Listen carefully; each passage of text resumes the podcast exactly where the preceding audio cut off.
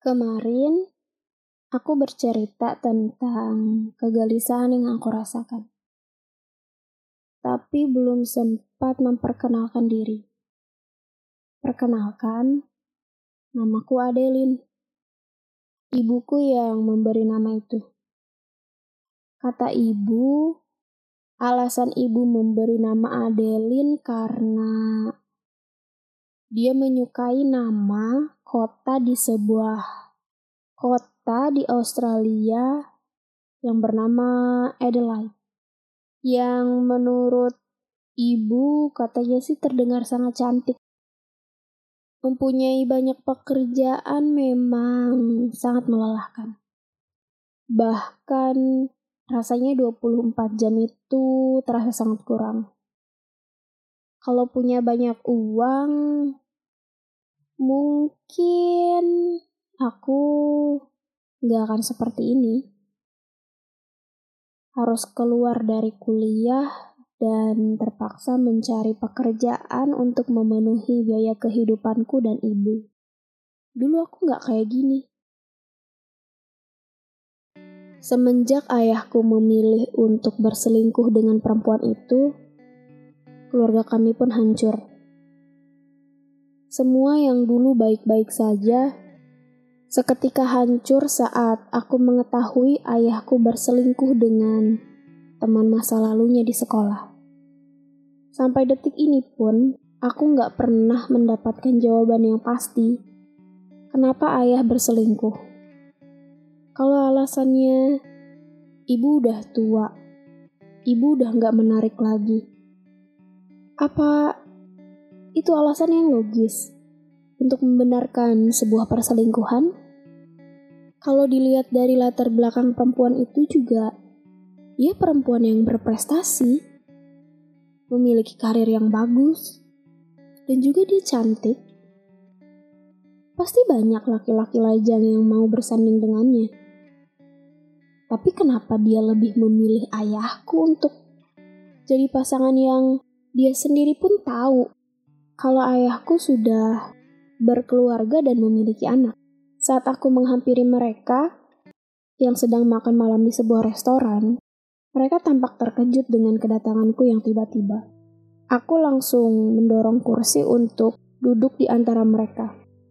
Aku melihat keterkejutan mereka. Kamu ngapain di sini?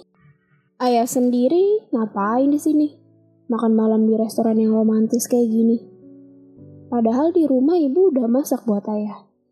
Pertanyaan to the point yang aku ucapkan membuat ayah tidak bisa menjawabnya. Aku beralih menatap perempuan yang berada di sampingku. Aku diam cukup lama dan memandangi perempuan itu dengan seksama.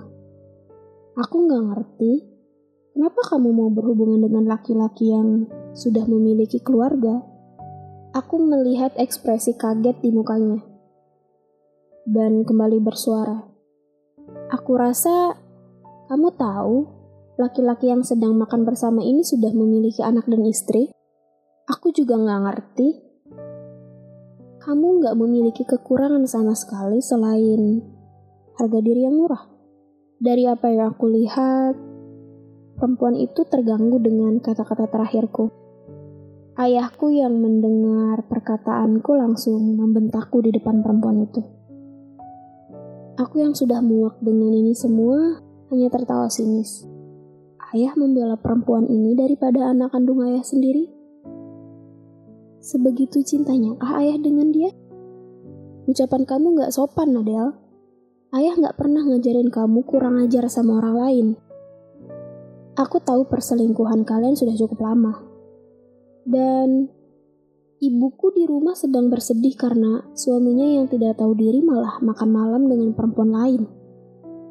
Ayah pikir ibu tidak tahu dengan perselingkuhan kalian. Ibu tahu ya. Dan dia hanya cuma bisa diam dan pasrah. Tapi aku, sebagai anaknya, gak bisa tinggal diam. Melihat ibu setiap hari menangis. Ayahku yang mendengar perkataanku hanya diam gelisah. Lalu aku melanjutkan ucapanku.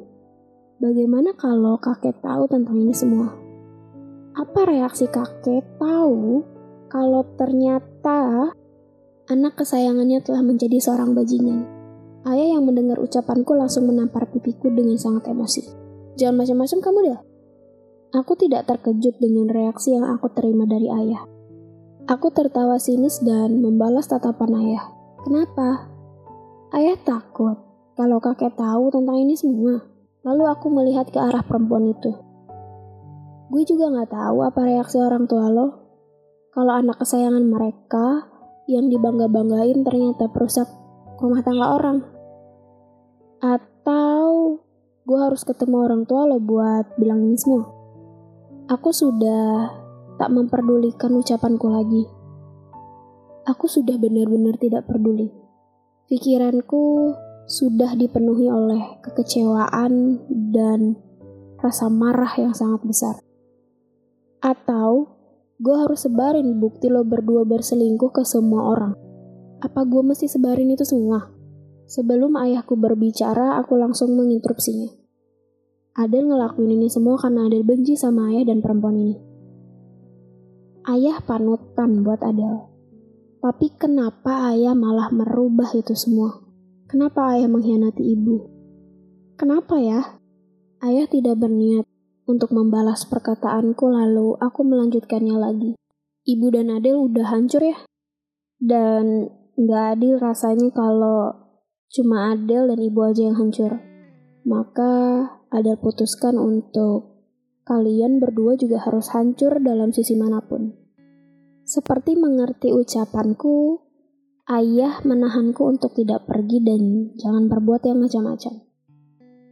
Aku yang melihat tanganku dicekal, langsung melepaskannya secara paksa dan berlari keluar dari restoran itu aku sudah bertekad untuk menghancurkan mereka, dan aku sudah tidak peduli lagi dengan perasaan mereka. Langkah pertama yang aku ambil adalah pergi ke rumah kakek